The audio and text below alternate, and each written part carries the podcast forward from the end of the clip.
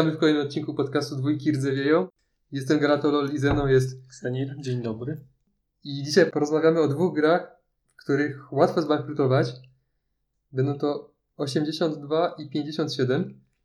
Więc zaczniemy od 1882. Jest to stosunkowo nowa gra, która można powiedzieć, że, że jest jakby gorącą nowością. Autorem jest Mark Woyer. Rzecz się dzieje w Kanadzie.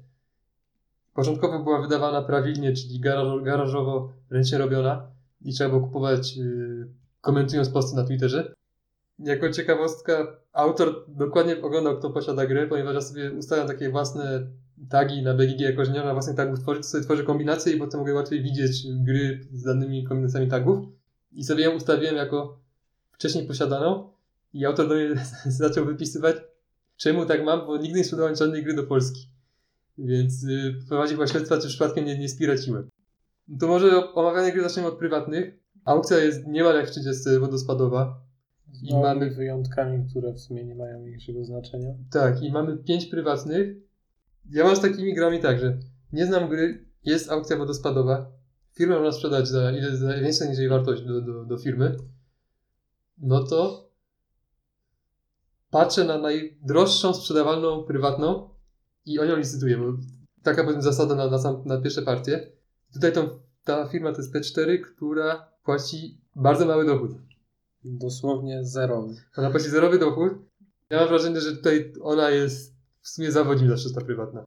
Tak, ona daje też darmowy, znaczy darmowy, przychodzi z nią udział losowej firmy z określonej puli, pojedynczy udział, a właściwie właściciel dostaje tylko pieniądze w momencie, gdy ktoś zbuduje połączenie przez rzekę, bo tutaj w sumie główne koszty terenów to są rzeki. Jest dosłownie jedna góra, która jest usytuowana w rogu planszy, no i reszta, reszta to są właśnie te rzeki, które musi, za które musi zapłacić jakby ten, który dołącza drugą część kafelka. Tak, rzekę. bo rzeki nie, nie są na heksie, tylko na granicy heksu. Tak, dokładnie. Czyli za ukończenie jakby mostu ta firma płaci 10.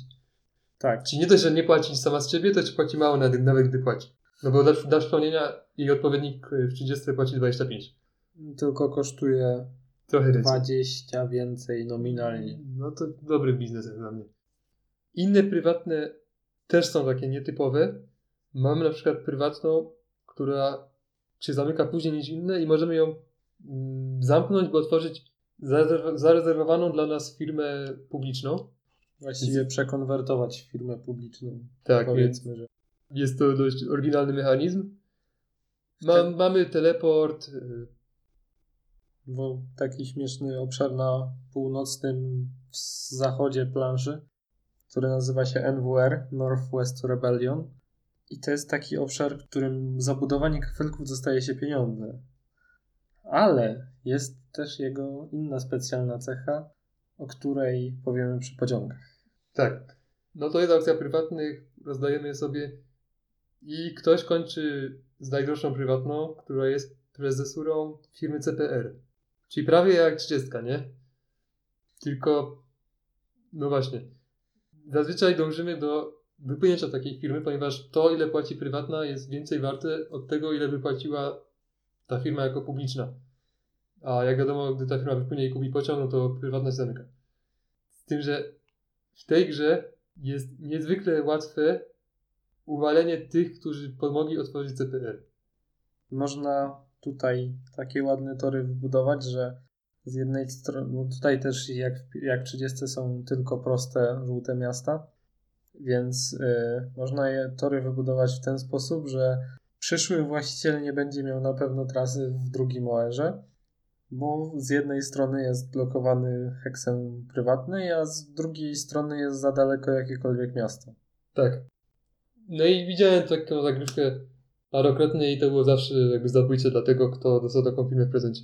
Tak, właśnie tutaj teoretycznie może pomóc to, że można wybudować dwa żółte kafelki w jednym OR-ze, przy czym za drugi trzeba zapłacić 20, no ale tutaj jest to tak ładnie usytuowane, że po prostu można kogoś uwalić. Tak, w tym przypadku nie pomoże. No właśnie, jakie są jeszcze różnice względem 30? Jeśli chodzi o kafelki, to Najciekawszą cechą jest to, że zielone są tylko takie, które mają w sobie prosty tor. I autor to tłumaczy jakby gameplayowo tym, że zazwyczaj gracze częściej budują zakręty, no to on chciał, żeby budowali częściej proste, a tematycznie tym, że to się, że rzecz się dzieje na równinach, ponieważ ten region słynie ze swoich równin, wręcz słynie, jakby ludzie, ja tak widziałem na BGG, że ludzie są dumni z, z równin, na których tam mieszkają. Ciekawe. Jest, a mówię to po to, bo okładka trochę nie pasuje tego nowego wydania AAG, bo tam mamy mocno skaliste góry. Tak, na pierwszym planie chyba jest lokomotywa, która jedzie przez las, a w tle są dość góry typu góry. Alpy. Więc średnie równiny, no ale widocznie takie zdjęcie było w domenie publicznej. Tak, No cóż, miałem coś podobnego powiedzieć właśnie, że tanim kosztem takie zdjęcie powstało. znaczy no obraz. Obraz, no Mm. właściwie tak, to nie było zdjęcie. Ale obraz na sobie jest ładny, no tylko że nie pasuje w ogóle do terenu. I jakie są jeszcze różnice?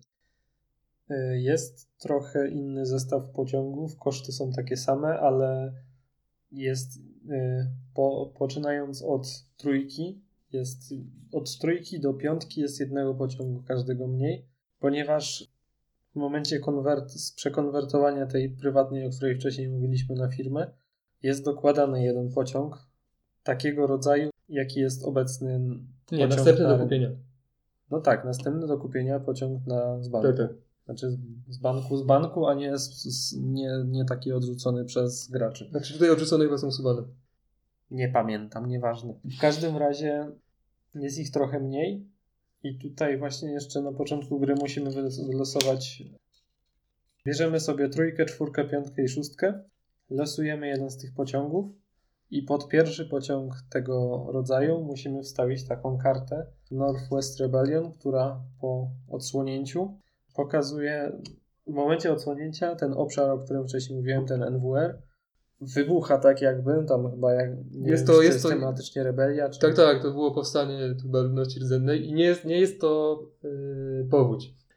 W każdym razie w tym miejscu wszystkie tory, które, nie, które są nie żółte zostają, a wszystkie żółte są kasowane. I to jest no tak powiedzmy jedna, nie wiem, piąta mapy, nie wiem, nawet mniej chyba. To jest dosłownie 3, 7 heksów, Mhm. dobrze liczę. No jest, co sądzisz o tym mechanizmie? Jakoś nigdy się nie przydało bardzo, ani nigdy nie zaszkodził. Tak, jakby jeśli to jest wcześniej, to i tak tam nie ma torów za dużo, a jeśli jest późno, to i tak te tory są poulepszane. Tak, bo jeśli to, no to może najwcześniej wystąpić przed pierwszą trójką, a jeśli Po pierwszej trójce? Tak, przy, po pierwszej trójce. Jeśli to wtedy wystąpi, no to jeśli, jeśli firma, która tutaj y, w pobliżu zaczyna, czyli Canadian Northern chyba to się nazywa, jeśli ona sobie coś wybudowała, no to zbuduje sobie to, to samo znowu i znowu dostanie pieniądze za ten NWR swoją drogą. Znaczy, no ale to jest koszt czasu. No, No, bo jakby tracisz tak. OR, tylko chodzi o to, że ona straci może dwa tory, no. To, to jest tematyczne i o to pewnie chodziło. Jest to też możliwość machlojek, że tam sobie zarabiasz budując i potem to ci schodzi i znów zarabiasz budując. Tylko to nie są jakieś gigantyczne znów No, kwoty. Za, bo tak, za dodatkowy kafelek trzeba dopłacić 20, a za NWR też się dostaje 20. Czyli jakby budując dwa zarabiasz 20. Budując jeden też zarabiasz 20. Mm, To nie są jakieś zazwyczaj pieniądze, które zmienią nie wiadomo jak grę. Mnie też nie przekonuje ten mechanizm. A tam jest ciekawa rzecz, bo tam jest taka, takie pole z rybą, które się nie liczy do zasięgu pociągu.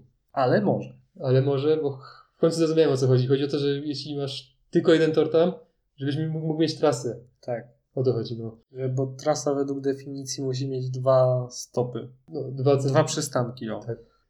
Natomiast mam wrażenie, że trudno to wykorzystać tak fajnie. Jakby rzadko kiedy to rzeczywiście mi dodaje ten jeden, bo tak są tory budowane, że w sumie jeżdżę tak samo, jakbym jeździł bez tego.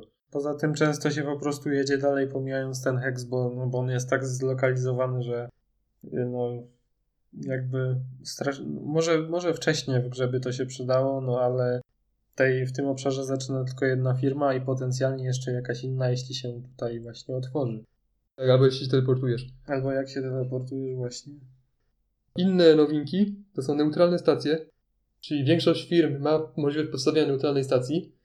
Jest to stacja, którą stawiamy za darmo. Jest ona przejezdna dla wszystkich firm i jedna z firm w grze może się otworzyć tylko jeśli taka stacja jest na mapie i ona używa tych stacji jako własnych. Tak, i ona nie posiada w ogóle żadnych innych stacji.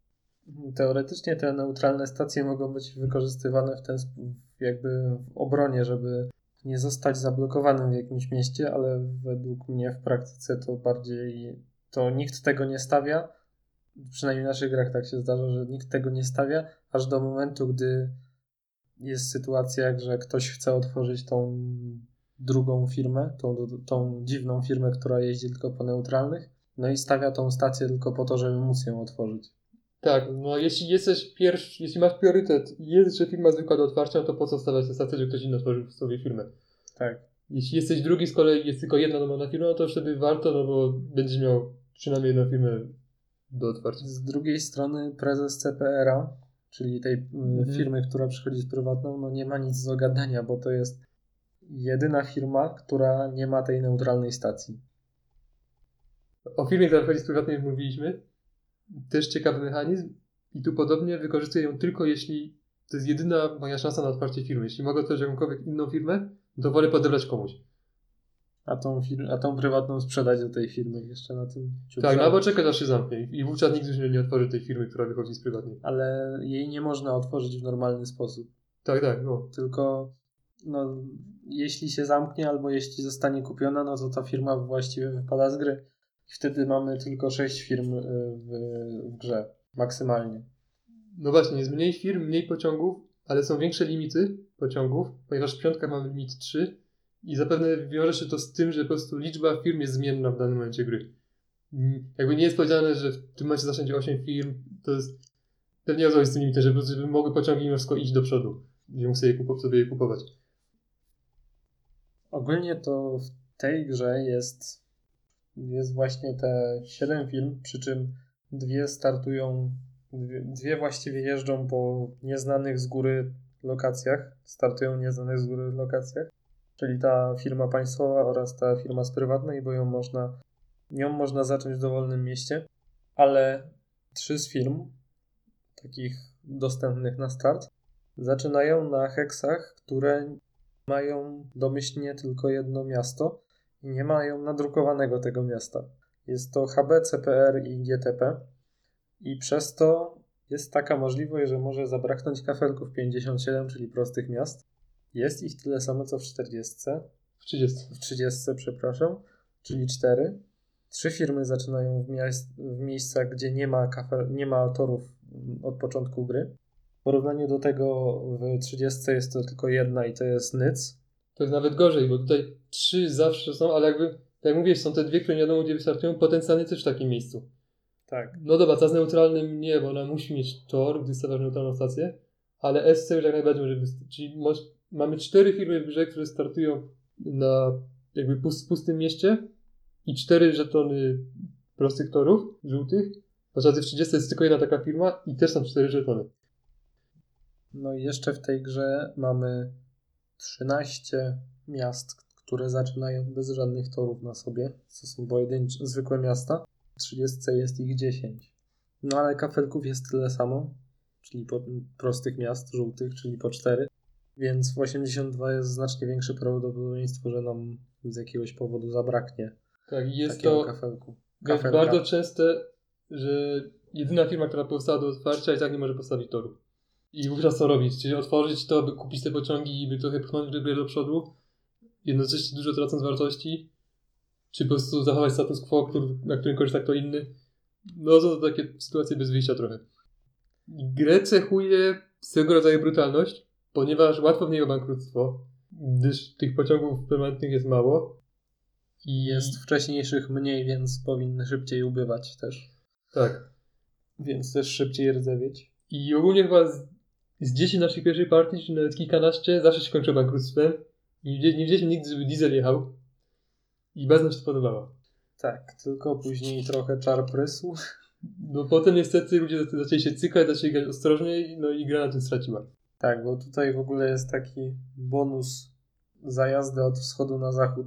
Fanom 46 powinien być znane coś, takie triki. Teoretycznie chyba da się nawet czwórką objechać, tylko że to wymaga bardzo dużej jakby Znaczy, jeśli czwórki pracy. jeszcze wtedy istnieją, gdy się połączy, to coś jest dziwne.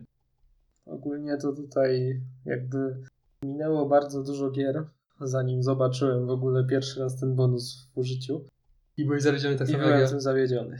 No ja też. Ja myślałem, że to jest takie tam, no Dobra, trafisz na jakąś grupę, która koniecznie chce grać w każdą grę jak w spokojnego operac opera operacyjniaka, no to wtedy może tego użyją, żeby szybciej się bank skończył.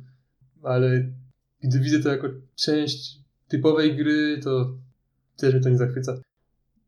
To jest taki jeden, jeden heks, który jest trochę podobny do Nowego Jorku z 30, tylko tutaj nazywa się RE albo R, nie wiem jak to w, w ostatecznie najnowszej wersji jest zaznaczone, tej opublikowanej przez AAG. Ma wartości w żółtej, w żółtej i zielonej fazie ma takie same wartości i takie same rozłożenie co Nowy Jork. Przy czym jak ulepszamy go do zielonego, to możemy sobie wybrać, w którą stroną go kładziemy, co jest trochę jakby no inne niż w, niż w Nowym Jorku, gdzie tam to ustawienie jest określone z góry.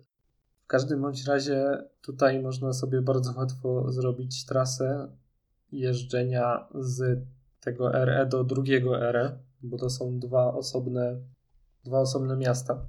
I dzięki temu możemy nawet dwójką tutaj jeździć za 120 bez żadnych przeszkód, bo nie ma żadnej wioski po drodze. 30 na postawić po prostu wioskę tak, że już się nie uda przejechać dwójką i albo w ogóle tak, że uniemożliwimy przejazd z jednego miasta do drugiego. I pewnie z tego powodu w brązowej fazie to się łączy, żeby komuś ukrócić taką mm, tak dochodową drogę. Tak jak ogólnie nie lubię łączenia miast, to tutaj to jest uzasadnione. Tak, ogólnie tutaj firma, która zaczyna w tym, na tym heksie, ma też potencjał na chyba najlepszą trasę na początku, bo może spokojnie trzema dwójkami sensownie jeździć. Tak. Inne chyba już nie są aż tak dobre, jeśli to o to chodzi. Znaczy, przynajmniej tak jak my gramy, to jest najczęściej otwierana firma na początek. Mhm. Właściwie chyba zawsze się otwiera. Słyszałem też, że Cenor jest jakby często wybierany na start przez inne grupy, ale w sumie nigdy tego nie Ja próbowałem. raz testowałem i nie widzę sensu. Tam chodzi o to, że budujesz sobie tory i zarabiasz na tym, ale co to jest 120? No to właściwie to są grosze, pewnie w porównaniu do większej skali. Dobra, to jak wygląda skalowanie? Skalowanie wygląda tak, że to jest teoretycznie gra od 2 do 6 osób, według autora przynajmniej. Pieniądze startowe mają zbliżone wartości do 30 startowo, tylko trochę się różnią o tam od Nie, parę bo dziesiąt, są rząd mniej chyba. ale nie do końca, nie dokładnie. Masz w, dla 5 osób w 30 masz 480, tutaj jest dla 4 osób 450. Okej, no to trochę inaczej. Jest ciut mniej pieniędzy, no tylko na tutaj na 3, a tam na 4 jest ta sama wartość. W każdym bądź razie my graliśmy to chyba od 3 do 6, o- nie, do 5 osób. Chyba w 6 nigdy nie zagraliśmy. Ja chyba raz grałem przez internet i no nie polecam. Ja powiedziałbym, że to się skaluje, że to na daną liczbę osób jest trochę w odczuciu jak 30 na jedną osobę więcej. Czyli tutaj w 3 osoby tak 30 w 4, tutaj 4 tak 30 w 5 i w 5 jak 30 w 6. A już 30 w 6 jest taka na granicy w sensie między, czymś między grą a, a doświadczeniem, jeśli chodzi o jej balans i tak dalej. Czyli dlatego tutaj na 6 osób to grać to dobre jest przegięcie. Na 3 i 4 polecam. 5 też chyba mi się daje już za dużo, bo po prostu za mało firm. Mamy, Tak. no mamy ile? Mamy 5 firm takich jakby pewnych do otwarcia. Te dwie kolejne, które być może się otworzą, no to 5 osób to trochę słabo. Przy czym tutaj już na 5 osób trzeba znaleźć kolegów do otwarcia firmy na No, początek. czyli jak 30 na 6. Tak. Poza tym tutaj na trzy osoby graliśmy parę razy, ale to skończyło się w ten sposób, że przerywaliśmy drugim, trzecim eserze, dlatego że, tak jak wcześniej mówiłem, tego CPR został tak uwalony, że został podarowany na osobie, która odważyła się pomóc prezesowi otworzyć tą firmę. No i skończyła nie najlepiej, bo skończyła z czterema, czwórka, czterema dwójkami, które nigdzie nie, miał, nie miały gdzie jechać. No i też nie kupi lepszego pociągu, więc musi czekać aż y, reszta graczy łaskawie kupi czwórkę, rdzewiejąc te dwójki. Znaczy no, No i zbuduję wtedy- sobie trasę dla jednej dwójki. No. No tak, ale jak postawisz tylko jeden kafelek tym CPR-em, jeśli jesteś prezesem i chcesz go zrzucić komuś, no to potrzebujesz jeszcze przynajmniej Dwóch OR. Tak, dwóch OR-ów, czyli bo przynajmniej trzy kafelki trzeba położyć i to tak jeszcze zakładając, że nikt inny nie będzie przeszkadzał. Bo tutaj GTP może trochę nabroić też. No i po tych partiach ja właśnie zacząłem uważać, że ta gra się nie nadaje na trzech, no ale potem zagrałem jeszcze dwa razy i już było ok. trzeba być po prostu bardzo, bardzo uważnym. Moim zdaniem właśnie poza tym, że właśnie bardzo uważnym przy tym CPR-ze, to może, może jednak się wstrzymać z otwieraniem tego Zapewne. komuś. No, zapewne. Tak to można oberwać takim granatem w łeb, że no, można właściwie odejść od stołu i zostawić innym graczom Mm, planszę. A Róbcie gry? ruchy za mnie. Czas gry na żywo schodziło nam od 29 do 136 minut. No, czyli Możecie sami się domyślić, jak wyglądała ta partia na 29 minut. ogólnie, jeśli się gra jakby poprawnie, czyli dojdzie do tego bankructwa, to tak właśnie dwie, dwie i pół godziny. Jeśli gracze będą się cykali za bardzo, no to możesz to przeciągać. I gdy się będzie przeciągało, no to gra będzie tylko traciła na tym. Tak, według mnie to powinna być raczej gra, która jest w miarę szybka, gdzieś koło dwóch godzin. Zagrać, zbankrutować kogoś, nie siebie, najlepiej. No i tyle, no. Jeszcze słowem podsumowania, myślę, że to jest moja ulubiona gra, wyraźnie bazująca na 30, przynajmniej z tych, które znam. Większość nowinek mi się bardzo podoba i uważam, że mają sobie dużo wartości i mają prawo być używane w ogóle w innych tytułach nowych. Są to neutralne stacje, firma, którą możemy otworzyć z prywatnej, jeśli chcemy, czy też firma, która korzysta z neutralnej stacji jako swoich domowych. Jest to być może gra, która mi najbardziej zaimponowała w ostatnich miesiącach. Mnóstwo w nią grałem. Teraz już niekoniecznie mam taką ochotę do niej wracać, ale wciąż ją sobie cenię.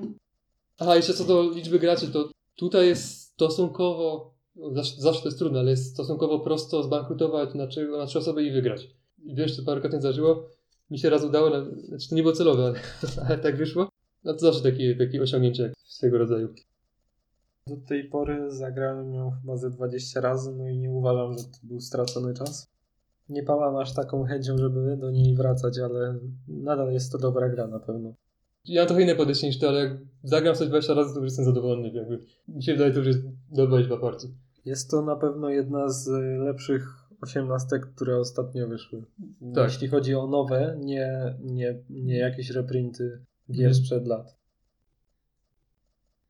To teraz porozma- porozmawiamy o kolejnej grze, w której łatwo zbankrutować. Przynajmniej w teorii. Jest to 1857. Jest to gra autorstwa Ediego Robinsa, który tak naprawdę nie istnieje, AK Johna Borera. Ponieważ to John Borer, czyli właściciel Robinsa Winsom i do tego jeszcze wrócimy, gdy będziemy omawiali grę Winsoma, tylko musimy najpierw we wszystkie zagrać. Idea jest taka, bierzesz tam mapę Argentyny, to nie ma znaczenia, bierzesz 8 firm, pozwalasz im wypłynąć na 50% i usuwasz po jednym pociągu każdego rodzaju, poza oszustkami. I jakby co może pójść nie tak? Nie wiem, uważam, że ta gierka jest po prostu niezwykle wesoła. Giełda jest jak w 30, z tym, że mamy obcięte tam jedną, jeden wiersz, trzy kolumny. Są I- dwie wartości zmienione, bo pod kolumną, którą są, w której są pary w 30 są, jest 67-67, a to jest 66-65. Mhm. 82 też jest bardzo podobna. Giełda, tylko ona ma ten jeden wiersz, nie ma, usunie, nie ma go usuniętego i, i te dwie wartości są jak w 30. Tak, czyli nie ma po prostu trzech skrajnych lewych kolumn. To Mhm. wszystko. No i obie gry mają standardowe obszary, czyli żółty, pomarańczowy, brązowy. Działają właściwie tak jak w 30. Więc Nie ma co więcej Tak. o tym mówić. No, wracając do 57.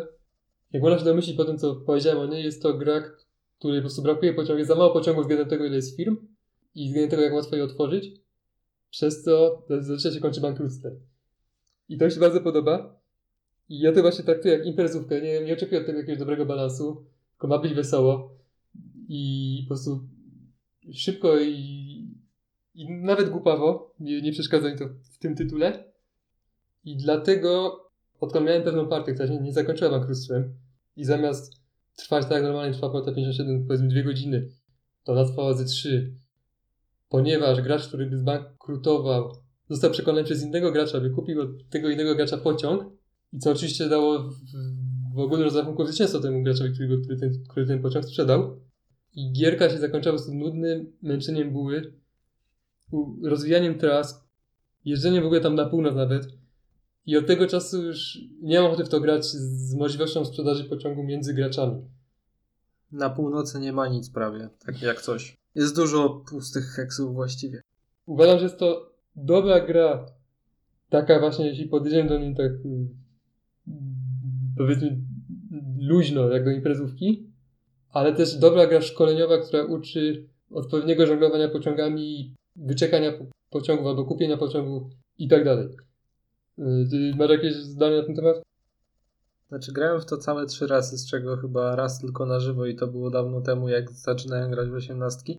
I to wyglądało tak, że z tych trzech gier tylko jedna się bankructwem zakończyła, właśnie ta pierwsza. Nie. Chyba tak.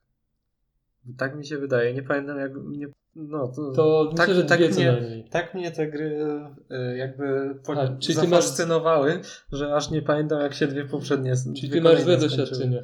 No ja mam takie mieszane, no bo tutaj w sumie to wyglądało tak, że te dwie ostatnie wszyscy otworzyli za 100, żeby mieć więcej pieniędzy na start w filmie.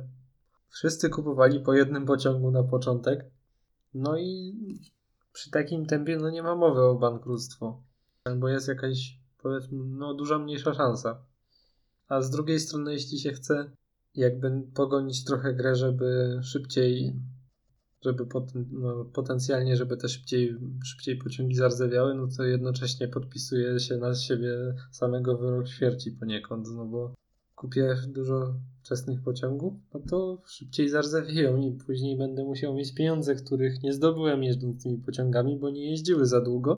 No i w sumie sam pod sobą taki dołek fajny wykopałem.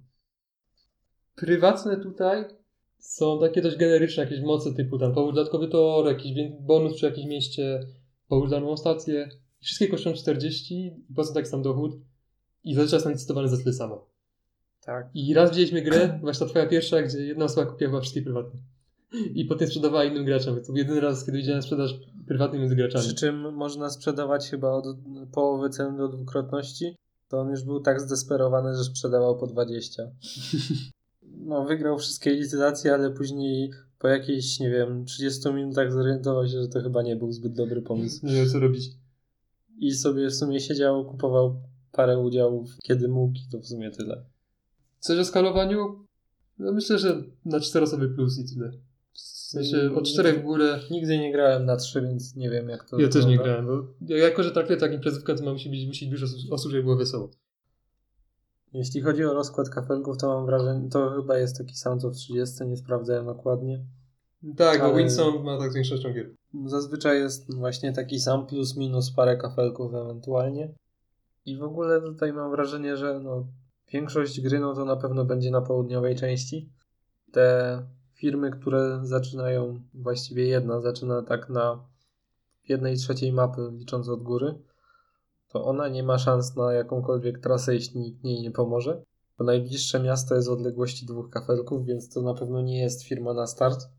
Mam wrażenie, nie powiem, że tak jest, ale mam takie wrażenie, że ta mapa jednak będzie się chyba podobnie rozwijała właściwie zawsze. Znaczy, w tej grze nie patrzę na mapę w sumie. Tu mnie interesuje tylko, tylko giełda i to, jak pociągi idą. Ale no, nie jest jakaś mapa, nie, nie wydaje się być bardzo rozmaicona. Dobra, czyli ty masz mieszane uczucia. Tak. Ja mam, ja jestem na, na tak, ale w ograniczonych ilościach. Typu No raz, raz, raz, dwa razy w roku jak najbardziej. Nie widziałem jeszcze tych latających pociągów na lewo i prawo, które, Które powinny być. które powinny nie jeździć, tylko rdzewieć od razu właściwie. Ja myślę, że widziałem. Bardzo mi to ucieka.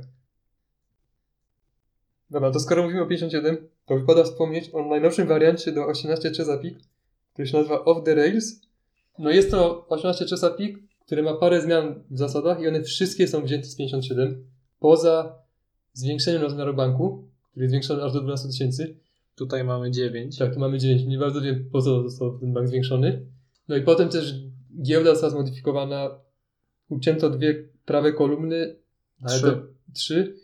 Jest taka sama jak w 82 właściwie. Nie, nie, ale względem tego została zmodyfikowana, A, bez względu bo brakowało miejsca na IPO jednej, jednej z firm, które- powinny być na tej planszetce, dlatego uciąłem. To jest, to jest cały powód u, u, ucięcia.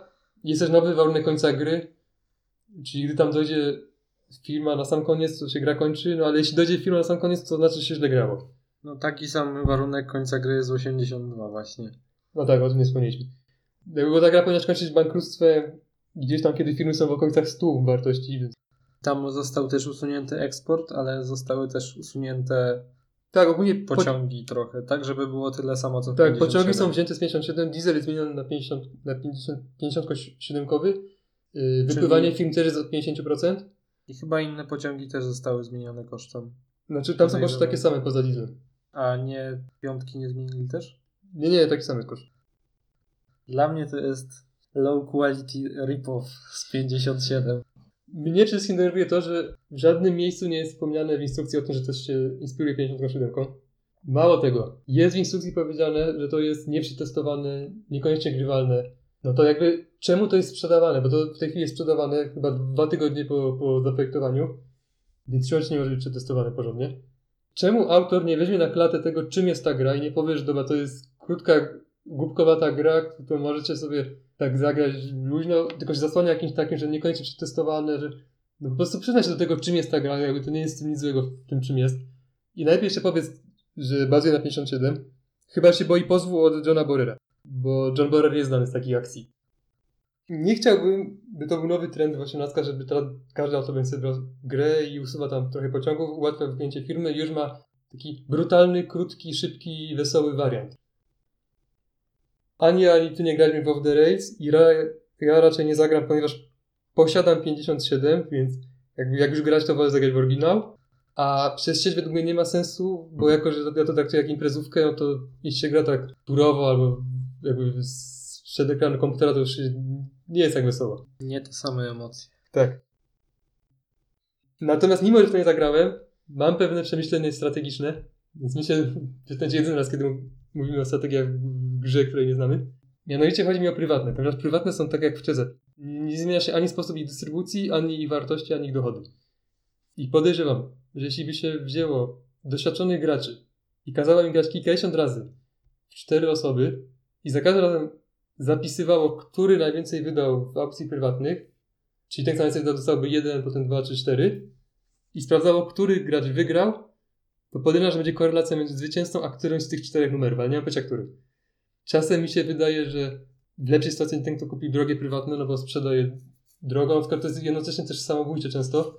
Idealna sytuacja jest taka, jak sprzeda drogą prywatną i tuż za tym, jak tobie przyjdzie kupować jej pociąg, ktoś inny zbankrutuje, to wtedy masz gwarantowaną wygraną de facto. Natomiast jeśli tak nie będzie, no to znów ty będziesz cierpiał, a też często, jeśli masz drogę prywatną, to nie otworzysz wcześniej firmy, więc niekoniecznie w ogóle uda ci się otworzyć firmę tak, jakbyś chciał i naprawdę nie mam pojęcia, ale podejrzewam, że będzie taka korelacja, ponieważ 57 te firmy są mniej więcej porówno rozłożone. Zazwyczaj one wszystkie są sprzedawane w bardzo podobnej cenie, tam plus minus 5 i każdy z graczy ma je, na tyle, na ile się da, ma, ich, ma je porówno. Natomiast w Chesapeake'u, gdzie jest aukcja wodospadowa, może to być znacznie bardziej urozmaicone i przez to mieć znacznie większy wpływ na wynik końcowy. Jestem ciekawy, czy mam rację. Tak jak mówię, podejrzewam, że albo gracz, który wyda najwięcej, albo który wyda najmniej, albo który wyda drugi najwięcej, drugi najmniej, będzie częściej wygrywał od innych. Dobra, to, to, było na, to było na tyle o grach, w których łatwo zbankrutować. To do usłyszenia. Cześć.